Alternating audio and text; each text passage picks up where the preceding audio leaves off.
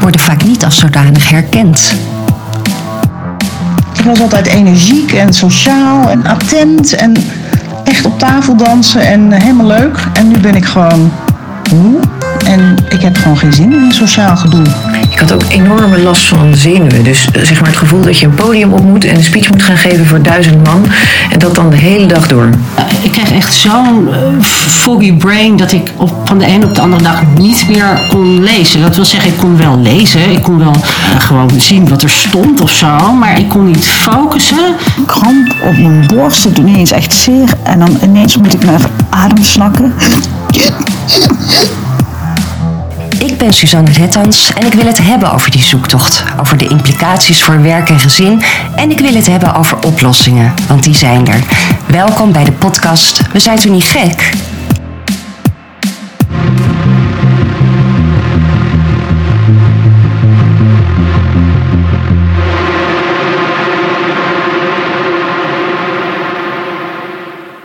Ja, lieve luisteraars, en wat leuk dat jullie er weer zijn. Ik had eigenlijk voor deze aflevering Lisanne Bauma, de oprichter van Camenta, beloofd. En ik heb haar afgelopen maandag ook gesproken, maar dat werd zo'n lang gesprek. Ik denk dat ik daar wel drie podcasts van kan maken. En nou ja, dat uitzoeken en editen, dat kost zoveel tijd. Uh, ik heb besloten om jullie eerst Herman de Piepre te geven, gynaecoloog bij de Vrouwenkliniek in Gent en voorzitter ook van de Belgische Menopauzevereniging. Ik sprak professor de Piepre een paar weken geleden voor Vrij Nederland over de behandeling van de vroege perimenopauze. Omdat ik zelf destijds antidepressiva heb gekregen voor mijn stemmingsklachten. En ik inmiddels zeker denk te weten dat ik eigenlijk hormoonsuppletie had moeten hebben.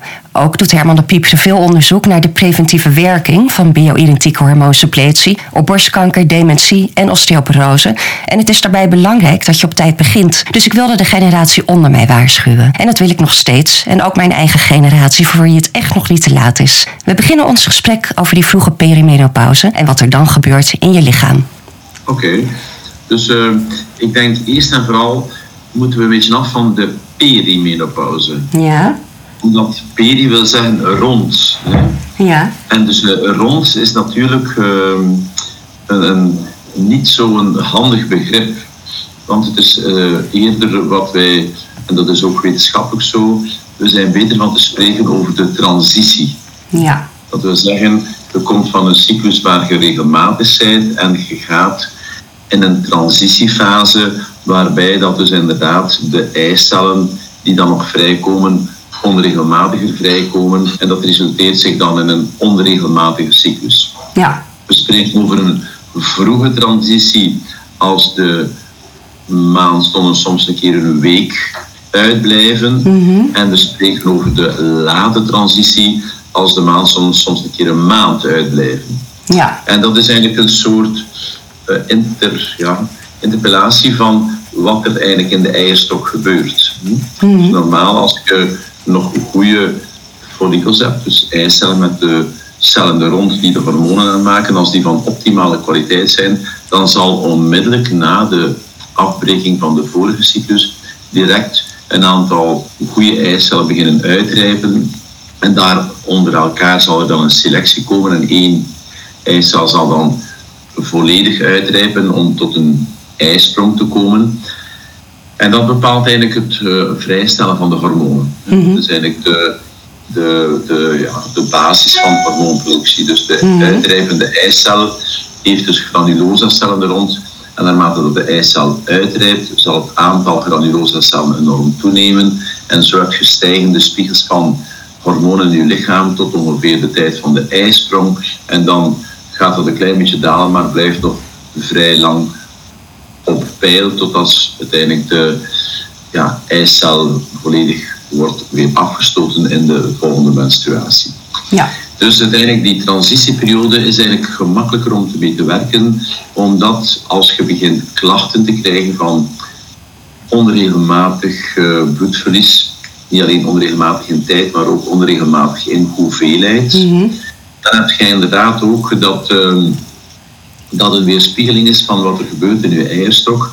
En wat gebeurt er in je eierstok, is dat na de menstruatie de volgende eicel eigenlijk een klein beetje op zich laat wachten. En dan heb je eigenlijk een, soms een week of een week en een half waar je hormoonproductie eigenlijk zeer laag is. En in die periode kun je klachten hebben, typische menopausale klachten, van warmtepellingen, slecht slapen, eh, lusteloosheid, vermoeidheid. En dan, als je dan bij de arts komt, dan eh, doet hij een bloedbepaling. En dan heb je natuurlijk net dat die volgende cyclus toch is opgestart. En dan zijn die hormoonbepalingen normaal. En dan zegt hij, ja kijk, ja, het is zeker niet hormonaal, het is, het is iets anders. En dan wordt er vaak gedacht van, oei, ze heeft het toch wel lastig. Ze heeft eh, twee, drie kinderen. Ze heeft een drukke job. En dan wordt direct de link gelegd of de suggestie gedaan van misschien is het wel burn-out of zoiets. Ja. En dat is inderdaad eh, het moeilijke aan die transitieperiode, is dat je moet luisteren naar het verhaal en dat je dus een aantal zaken moet integreren. Onregelmatigheid van de cyclus, in tijd en in hoeveelheid, maar ook klachten die soms onvoorspelbaar zijn. Want je hebt dus inderdaad ook als de hormonen te laag zijn, dat je ja, die klachten hebt zoals die warmtepellingen en, en stijfheid en vermoeidheid en haarverlies. Maar het is zo dat eh, doordat uw hormonen te laag blijven in het begin van de cyclus, gaat de hypofyse meer beginnen stimuleren om toch die cyclus op gang te krijgen. Ja. En dat meer stimuleren resulteert dan dat er soms ja, drie, vier, al wel slechtere follicels, maar vier follicels beginnen uit te rijpen door die hoge hoeveelheid hypofysair hormoon. En die hoge spiegels van dat hypofysair hormoon resulteren dan in een zeer hoge spiegel van oestrogeen. Dus het kan gebeuren dat eigenlijk die periode van te weinig oestrogeen, dat het dan wordt aangevuld door spiegels die te hoog zijn, die twee, drie keer hoger zijn. Ja. En dat is weer lastig voor de vrouw, want dan heb je ja, veel te veel hormoon en dan zit je opgejaagd en denk je dat je de wereld gaat verzetten. Ja. Maar doordat die eicellen van slechtere kwaliteit zijn, gaat die hoge spiegels maar eigenlijk heel kortstondig kunnen aangehouden worden en dan zakt in elkaar. En dan heb je eigenlijk in die snelle daling van het hormoon vaak hoofdpijn en vermoeidheid en, en, en ja, ja, ook u niet goed in uw vel voelen. Omdat je zegt, ja, kijk, ik was zo goed bezig en dan valt de plots in een put.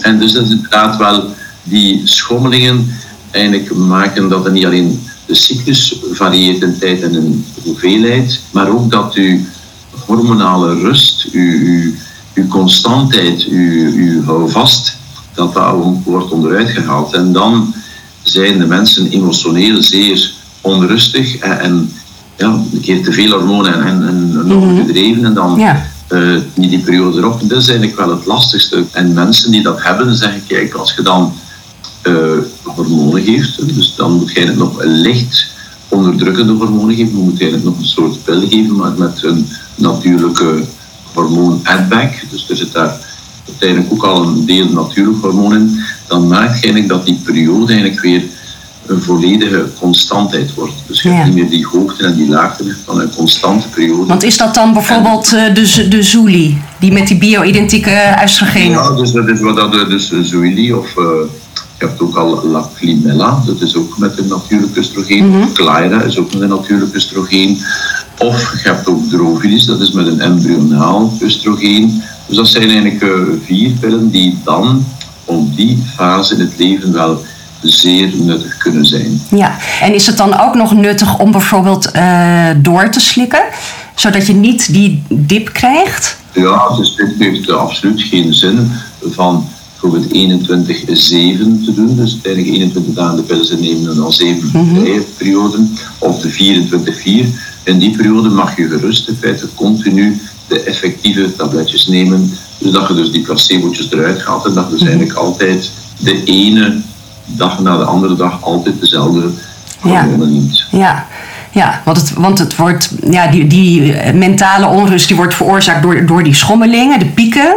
En je gaat daar na je 35ste ga je daar meer last van krijgen, omdat dan toch alles en progesteron 35 jaar, maar 40, dus meestal 40, 45 zelfs. 40, 45. Dus, eh, het varieert wat van Ja. vrouw tot vrouw, maar zo'n beetje de transitieperiode begint meestal rond de ja, 2, 43 en dan heb je de vroege transitie waar dat je dus inderdaad een keer een week over tijd gaat. En dat kan nog gevolgd worden door weer maanden dat het geregelmatig bent, dus het is onvoorspelbaar. Ja, dus die, die pil is, is eigenlijk een goede methode om, om dus die, die, die vroege, die eerste jaren van de, van de transitie te overbruggen naar op een gegeven moment Ja. hormoonsup. Want je hebt natuurlijk ook nog ja, een anticonceptie nodig dan. Ja, maar dus eh, die Zoeli en die Ja. Mayra en die Dat zijn, is anti- anticonceptie, ja. Ja. En die bevatten uiteindelijk het natuurlijke oestrogeen. Dus het is niet dat dat eh, hogere spiegels zijn dan in de natuurlijke cyclus. Ja. Alleen is het gelijkmatiger. Gelijkmatiger, ja. ja. Ja. En dan uiteindelijk als je rond de leeftijd van 51, 52 jaar bent, kun je gerust een keer stoppen. Ja. En kijken of dat je cyclus nu volledig weggevallen zit, of dat je inderdaad in de menopauze bent. Mhm. En als je in de menopauze bent en je hebt geen klachten, dan ja, kun je opteren om niets te doen. Maar heb je wel klachten, dan kun je, dan heb je het onderdrukkende niet meer nodig van de pil. En dan kun je natuurlijk oestrogeen en natuurlijk progesteron nemen. Dat is Ja. eigenlijk een zeer goede optie. Ja, ja, ja. Ik merk dat ik hier dan toch een beetje van sta te kijken. Want die twee Facebookgroepen over bio-identieke hormoonsuppletie waar ik in zit... daar wordt altijd zo heftig gereageerd op vrouwen in de perimenopauze... die dan door de huisarts weer aan de pil worden gezet. Met dit soort klachten, omdat die pil veel hoger gedoseerd is. En je hebt dan wel de, dus pillen met bio-identiek oestrogeen... maar het bevat nog altijd het verkeerde progestogeen. En omdat je het inslikt, gaat het langs de lever... en heb je meer kans op trombose. En die kans die neemt ook toe met de leeftijd... Dus, zeggen zij, alles moet worden opgelost met een pleistertje of een gelletje. En dan die utrogestan. Maar goed, ik deed dit interview met Herman de Piepje voor Vrij Nederland. En ook sprak ik daarvoor Dorenda van Dijken. En nou ja, dat zijn toch allebei niet de minste. En zij zeggen eigenlijk allebei, eh, zeker in de vroege perimenopauze... en al helemaal bij stemmingsklachten... ga weer aan de pil en dan wel liefst met dat bio-identieke oestrogeen. Want daarmee overroel je als het ware eh, al die pieken en dalen... die ontstaan door de schommelingen in deze periode. En dan tot je vijftigste zou de pil niet zoveel kwaad kunnen. Nou, ik heb het ook nog aan mijn eigen gynaecoloog gevraagd, die eh, best wel vooruitstrevend is. En zij zegt, eh, ja, je kunt die oestrogeen-dip in de week voor de menstruatie ook opvullen met de Lenzetto-spray. Eh, ook als je jonger bent en veel last hebt van PMS. Wat ik eigenlijk heel logisch vind, klinken, want meisjes en vrouwen met ADHD wordt ook geadviseerd om hun ADHD-medicatie iets te verhogen, zodat de dopamine omhoog gaat. En zo is er ook een antidepressivum, vertelde Dorena mij, dat je heel goed alleen in die dagen van de maand kunt slikken, waardoor je serotonine omhoog gaat. En in dat samenspel van hormonen en neurotransmitters zijn er natuurlijk verschillende knopjes waar je aan kunt draaien. Ik heb ook alweer gehoord van een andere gynaecoloog dat ook heel goed resultaat wordt bereikt met alleen progesteron voorschrijven in deze fase. Eh, maar ja, goed, er zijn dus verschillende mogelijkheden. En ja, zie hier maar eens je weg in te vinden. Eh, zeker als je bij de huisarts terechtkomt die ook niet echt wil nadenken over verschillende mogelijkheden. Ja, ja, dus daarom, ik heb ook eh, er een boek over geschreven. Ja. Het is daarom dat ik ook, eh, ja, eh, dat ik eh, meer de vrouw gedragenheid geef door die boeken te schrijven, zodat als ze het zelf kunnen lezen en ze zeggen, kijk, dus al die boeken zijn zeer neutraal geschreven. Ik ben niet pro of tegen hormonen, ik ben gewoon voor optimale levenskwaliteit. Ja. En als daar hormonen bij horen, dan is dat eh, wel zeer belangrijk. We hebben ook nu een belangrijke studie afgerond met de Sorbonne Universiteit, waarbij dat we gekeken hebben bijvoorbeeld eh, of dat je nu klachten hebt of geen klachten hebt. Als je bijvoorbeeld ApoE4-draagster bent, dat is inderdaad een eiwit die, dat is 20% van onze bevolking draagt dat. En dus als je dat hebt, zien we dat in de menopauze de hersenafbraak versneld doorgaat. En we hebben ook in onze studie aangetoond dat als je hormonen geeft, dat dat eigenlijk volledig wordt Ja. vertraagd en genormaliseerd. Dus er zijn heel veel aspecten van klachten. Er zijn heel veel aspecten van eh, mismatch. Ik heb gezegd, kijk, mensen die, ja, die schommelingen hebben, die dan uiteindelijk ja, voor burn-out dan eh, die dingen krijgen. We hebben ook een heel mooie studie nu afgerond. We zijn het aan het opschrijven met Securix. Dat is een soort eh, bedrijfsartsorganisatie. Die doen ongeveer een 80.000 bedrijfsbezoeken. En we hebben dus een aantal vragen gesteld aan vrouwen die eh, dus werken en die door de bedrijfsarts worden dus onderzocht. En dus die vragen behelzen, bent u in de menopauze, eh, neemt u iets voor de menopauze, heeft u klachten over menopauze en heeft u nog andere medicatie? En dus uit de eerste publicatie die we nu bijna gaan insturen, is duidelijk gebleken dat vrouwen met klachten ja, twee keer meer kans hebben op burn-out als eh, vrouwen die geen klachten hebben. En we hebben ook gezien dat als je die vrouwen optimaal behandelt, dat dus eigenlijk die absenteïsme en dus ook de burn-out cijfers eigenlijk eh, enorm verbeteren en zelfs lager zijn dan de referentiepopulatie van jonge mannen. Ja. Bovendien is het zo dat de vrouwen die eh, in de menopauze zijn en die goed gesupplementeerd worden, meest verbindend zijn. Ze hebben ook heel veel meer sociale skills dan de jonge man, uiteraard. Dus uiteindelijk van de slechtste werknemer naar de beste werknemster worden in feite. Dus, een, dus eigenlijk dus heel veel meer dan, ehm, dan hormonen en, en. Dus eh, het is een heel breed eh, domein. Het is nu een, een derde boek die ook bijna klaar is, die ik schrijf dan meer naar de preventieve setting. Want het is ook zo ellendig, zoals dat je zei, dat er een mismatch is tussen het geven van antidepressiva en, eh, en slaapmiddelen. Is er ook een enorme eigenlijk, mismatch in de zin van dat we nu wachten totdat de vrouw osteoporose krijgt. Ja. En dan schieten we in actie. Ja. Eh, we wachten totdat een vrouw dement wordt en dan schieten we in actie. En dan is er allerlei dure medicatie voor een situatie die eigenlijk al zeer ver gevorderd is. Nog proberen een klein beetje te temporiseren. Maar dat is natuurlijk jammer dat je dan in die osteoporosefase terechtkomt of in de dementiefase terechtkomt. Ja. Want ja, bij mensen is het dan game over en zijn eh, de hersenen eigenlijk weg eigenlijk. Hè. Ja. Dus met andere woorden, dat derde boek gaat meer in over ja, hoe moeten we behandelen en wat zijn de mogelijke preventieve zaken als de, de kennis nu. Dus ik denk dat we binnen een aantal jaar gaan meer gestratifieerd behandelen. Zit je in de menopauze, is je cholesterol laag, heb je geen hoge bloeddruk, voel je goed, beweeg veel, zijn niet stijf. Ja, dan heb je eigenlijk door, het, door de natuur een zeer gezonde eh, zeer gezond lichaam meegekregen en dan moet je niets doen. Maar anderzijds, of dat je nu klachten hebt of geen klachten hebt, als je apoe-4-drager bent of je hebt een ogen, is het zo jammer dat je tien jaar wacht voordat je dan uiteindelijk in actie schiet. Want het is toch ook voor de, eh, zeg maar, het soepel houden van de bloedvaten. ehm, Voor alles. Voor Voor- alles. ja, voor alles. Het is zo, we weten dat uiteindelijk eh, als gaan vrouwen in een gerandomiseerde, dus uiteindelijk in een mooie door de computer besliste setting werkt, waardoor dat je dus geen healthy user effect kunt hebben. Dus de computer beslist wie dat wat gaat nemen en dus de medicatie is geblendeerd. Dus nog arts, nog eh, patiënt weet wat ze neemt. Dan zien we dat dus eigenlijk de mortaliteit van de vrouw met 40% afneemt. nou, Wat wel veel is, dat is veel. Alleen weten we nog niet bij wie. Dus ik denk persoonlijk, en daar zijn we nu mee bezig, ik denk persoonlijk als je een lage bloeddruk hebt en een laag cholesterol en je beweegt veel, dat je sowieso al gaat leven.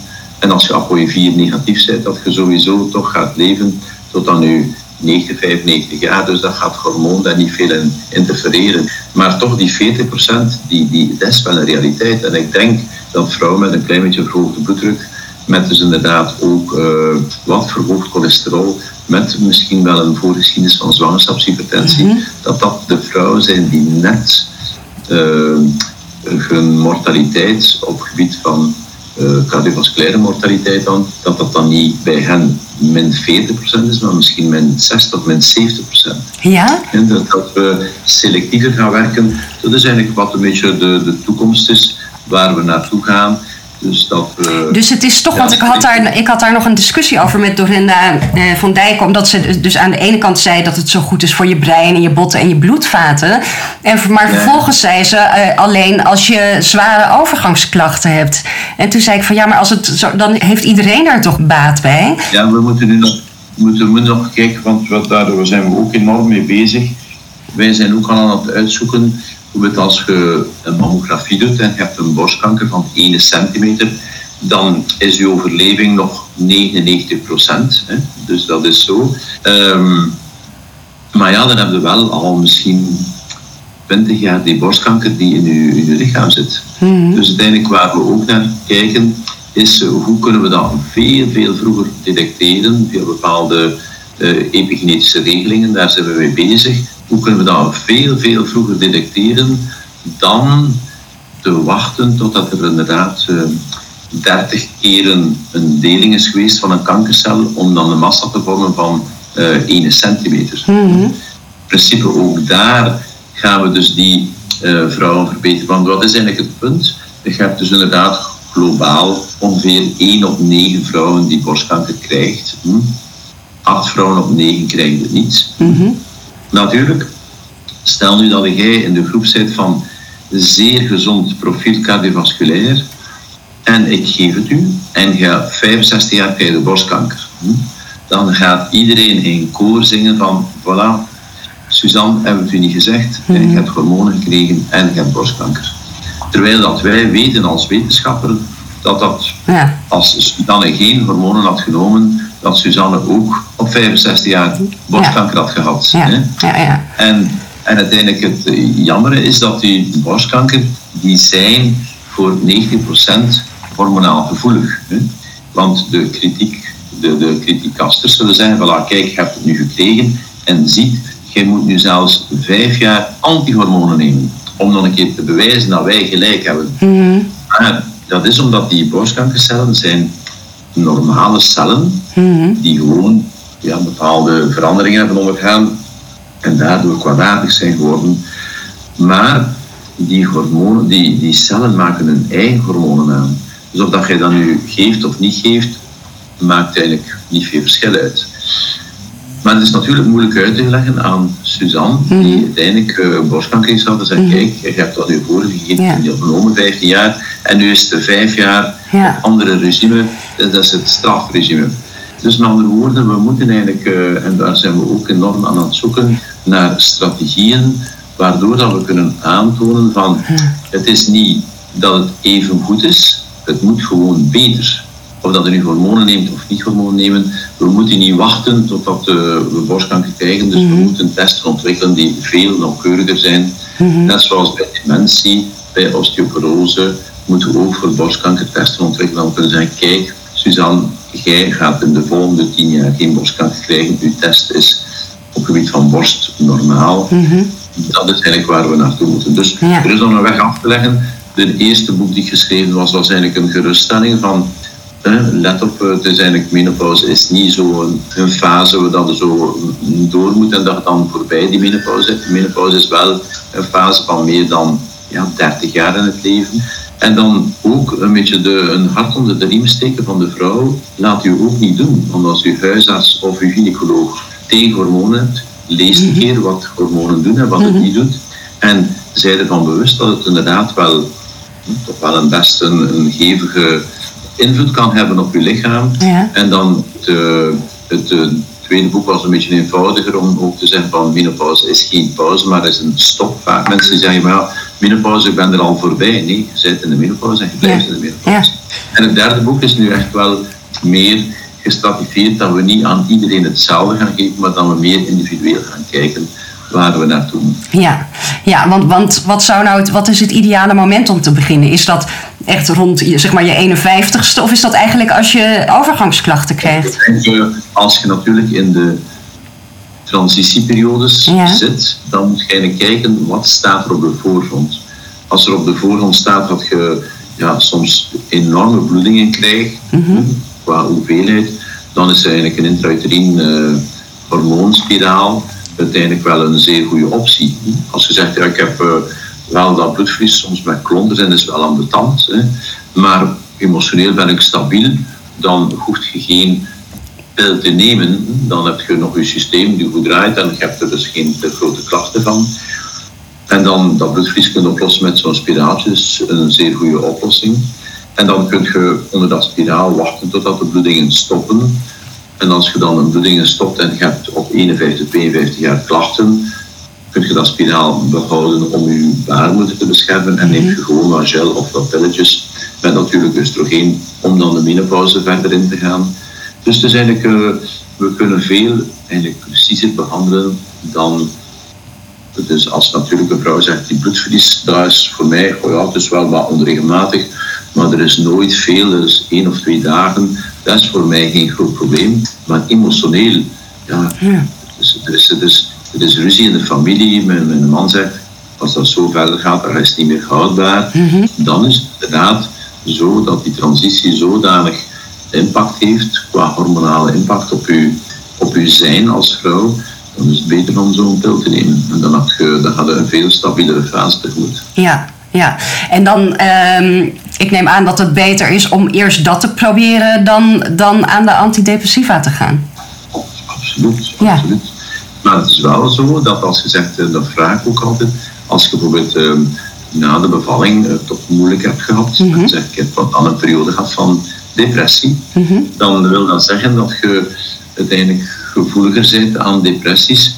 En dan zal de transitie en de menopauze, waar dat er veel schommelingen zijn, ook een uitlokkingsmoment kunnen zijn voor een depressie. Ja, En dan is het misschien wel goed van eh, terug die hormonen te nemen om dat te stabiliseren en tijdelijk die antidepressiva te geven, om dan te kijken na een tijdje als die vrouw zich weer stabiel voelt, om dan die, antidepressiva, als die fase van variatie eruit is, Ja. om die antidepressiva weer te stoppen. Dus je moet wel goed kijken en ik geef vaak een samenspraak met de huisarts of psychiater in bepaalde mensen eh, antidepressiva, maar we leggen dan een mooie hormonale basis om dan te kijken van kijk, nu is die vrouw weer stabiel en ik kan als gynaecoloog garanderen dat dat de volgende jaren zo zal zijn als die vrouw dat neemt.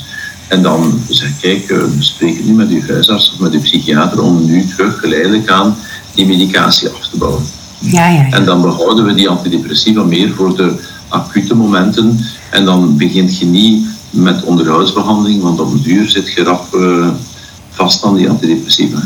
Ja, ja, ja. Ik slik ze ook al zes, ja, zes zeven jaar of zo. Antidepressiva gaan natuurlijk eh, de diepe momenten eruit halen, maar gaan ook de gelukkige momenten er Ja. eruit halen. Ja, je wordt er Dus toch een beetje vlak van. Ja, Ja. ja. Ja, en, en maar ehm, eh, stel, eh, dus je hebt een wat, wat hoge bloeddruk, je hebt zwangerschapsvergiftiging gehad, dus dat betekent eigenlijk dat het cardiovasculaire systeem niet optimaal is. Dan denk ik dat we moeten een calciumscore doen. En als de calciumscore aantoont dat er nog geen zware beschadiging is, ik denk dat dat de optimale patiënten zijn voor, voor te behandelen. Ja, en dat behandel je dan met hormoonsuppletie.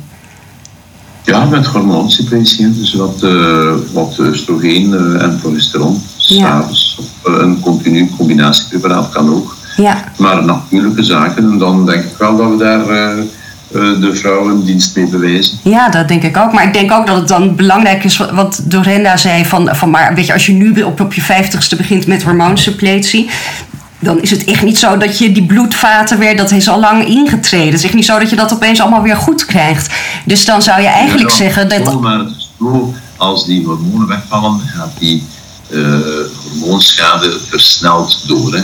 Ja, Ja, dus uiteindelijk als je nog in die transitie zit en je hebt nog je hormonen, dan blijft het inderdaad wel eh, dat je dezelfde bescherming geniet als je in de menopauze zit. Dus ik denk wel, daar moeten we nog wat doen. Wat dat Dorinda terecht zegt, is we kunnen niet aan iedereen zomaar in preventie hormonen geven, we moeten meer selectief zijn. ja, ja, ja. En dus daar zijn we nog aan het zoeken. Zo voor die dementie denk ik dat dat al een beetje op punt staat. Er moet natuurlijk nog een aantal confirmatiestudies eh, studies zijn. Maar uiteindelijk, eh, allee, ik denk dat we daar wel meer zekerheid hebben. Vroeger was het zo dat je hormonen gaf ter preventie van osteoporose bij tengere vrouwen. Dan is dat een klein beetje verlaat omwille van het feit dat er zou een verhoogde kans zijn op borstkanker. Maar ik denk dat we nu geleidelijk aan weer een beetje aan het keren zijn van toch een lichte vorm van hormonale substitutie bij tengere vrouwen. De preventie van, ja, van eh, osteoporose. Ik denk dat dat wel iets is die terug zal... eh, En wat heeft dat dan met, eh, met tenger te zijn te maken? Tengere vrouwen hebben meer kans op eh, osteoporose. Ja, en maar hoe komt dat dan? Omdat ze geen... ze hebben te weinig vetcellen die de androgenen, de mannelijke hormonen van de bijnier omzetten in vrouwelijke hormonen. Aha. Dus het, in het vetweefsel zit er aromatase. Dat is eigenlijk een enzym die de mannelijke precursorhormonen omzet in vrouwelijke Ja, dus dat is, dat is ook het, het, overgangs, eh, het overgangsbuikje, zeg maar. Ja, ja, ja. Ja, het buiken is, eh, is absoluut hetgeen dat we niet willen. Hè. Dus, want dat geeft meer hart- en bloedvatenziekten, meer diabetes, geeft ook meer borstkanker. Dus uiteindelijk dat is absoluut hetgeen dat we niet willen natuurlijk. Nee, nee. Nee. Oké, en, en heb ik eh, nu goed begrepen dat met borstkanker dat dat, dat dat eigenlijk altijd hormonaal is, of niet? Nu, 90% is hormonaal en 10% is eh, in de menopauze. Ja, En dus het is iets meer niet hormonaal in de premenopauze, maar in de postmenopauze is tussen de 85 en de 90 procent van de tumoren zijn hormonaal gevoelig. Ja, ja. Maar goed, als je dan al zoveel uh, goed doet voor je botten, je brein en je bloedvaten, ja, daar, meer vrouwen gaan daaraan dood dan aan borstkanker. Dus ja, het is toch gezonder om wel. In België is de doodsoorzaak nummer 1 sinds 2016 is dementie. Ja. Ja, dus in principe is dat wel een, een ommekeer. Maar ja, dus uh, het is al zeer goed dat de mensen beseffen dat de menopauze een lange periode is. Als er klachten zijn, dat ze kunnen behandeling krijgen. En dan zitten wij nu al klaar met een aantal zaken om te kijken hoe kunnen we het nog beter doen uiteindelijk. In ja. de zin van hoe kunnen we die preventie, waar we eigenlijk al weten dat dat zo is, hoe kunnen we dat optimaliseren. Ja, ja. Ja, enorm bedankt. Ja, en ben je nu heel erg benieuwd naar het nieuwe boek van Herman de Pieperen? Het ligt 15 maart in de winkel en het heet Wat iedere gynaecoloog je zou moeten vertellen. Nou, de volgende aflevering zal je merken dat gynaecoloog en seksuoloog Lisanne Bauma, die Carmenta oprichtte omdat ze vond dat de overgangszorg niet goed geregeld is in Nederland, ook heel wat te vertellen heeft. Dankjewel voor het luisteren en tot dan.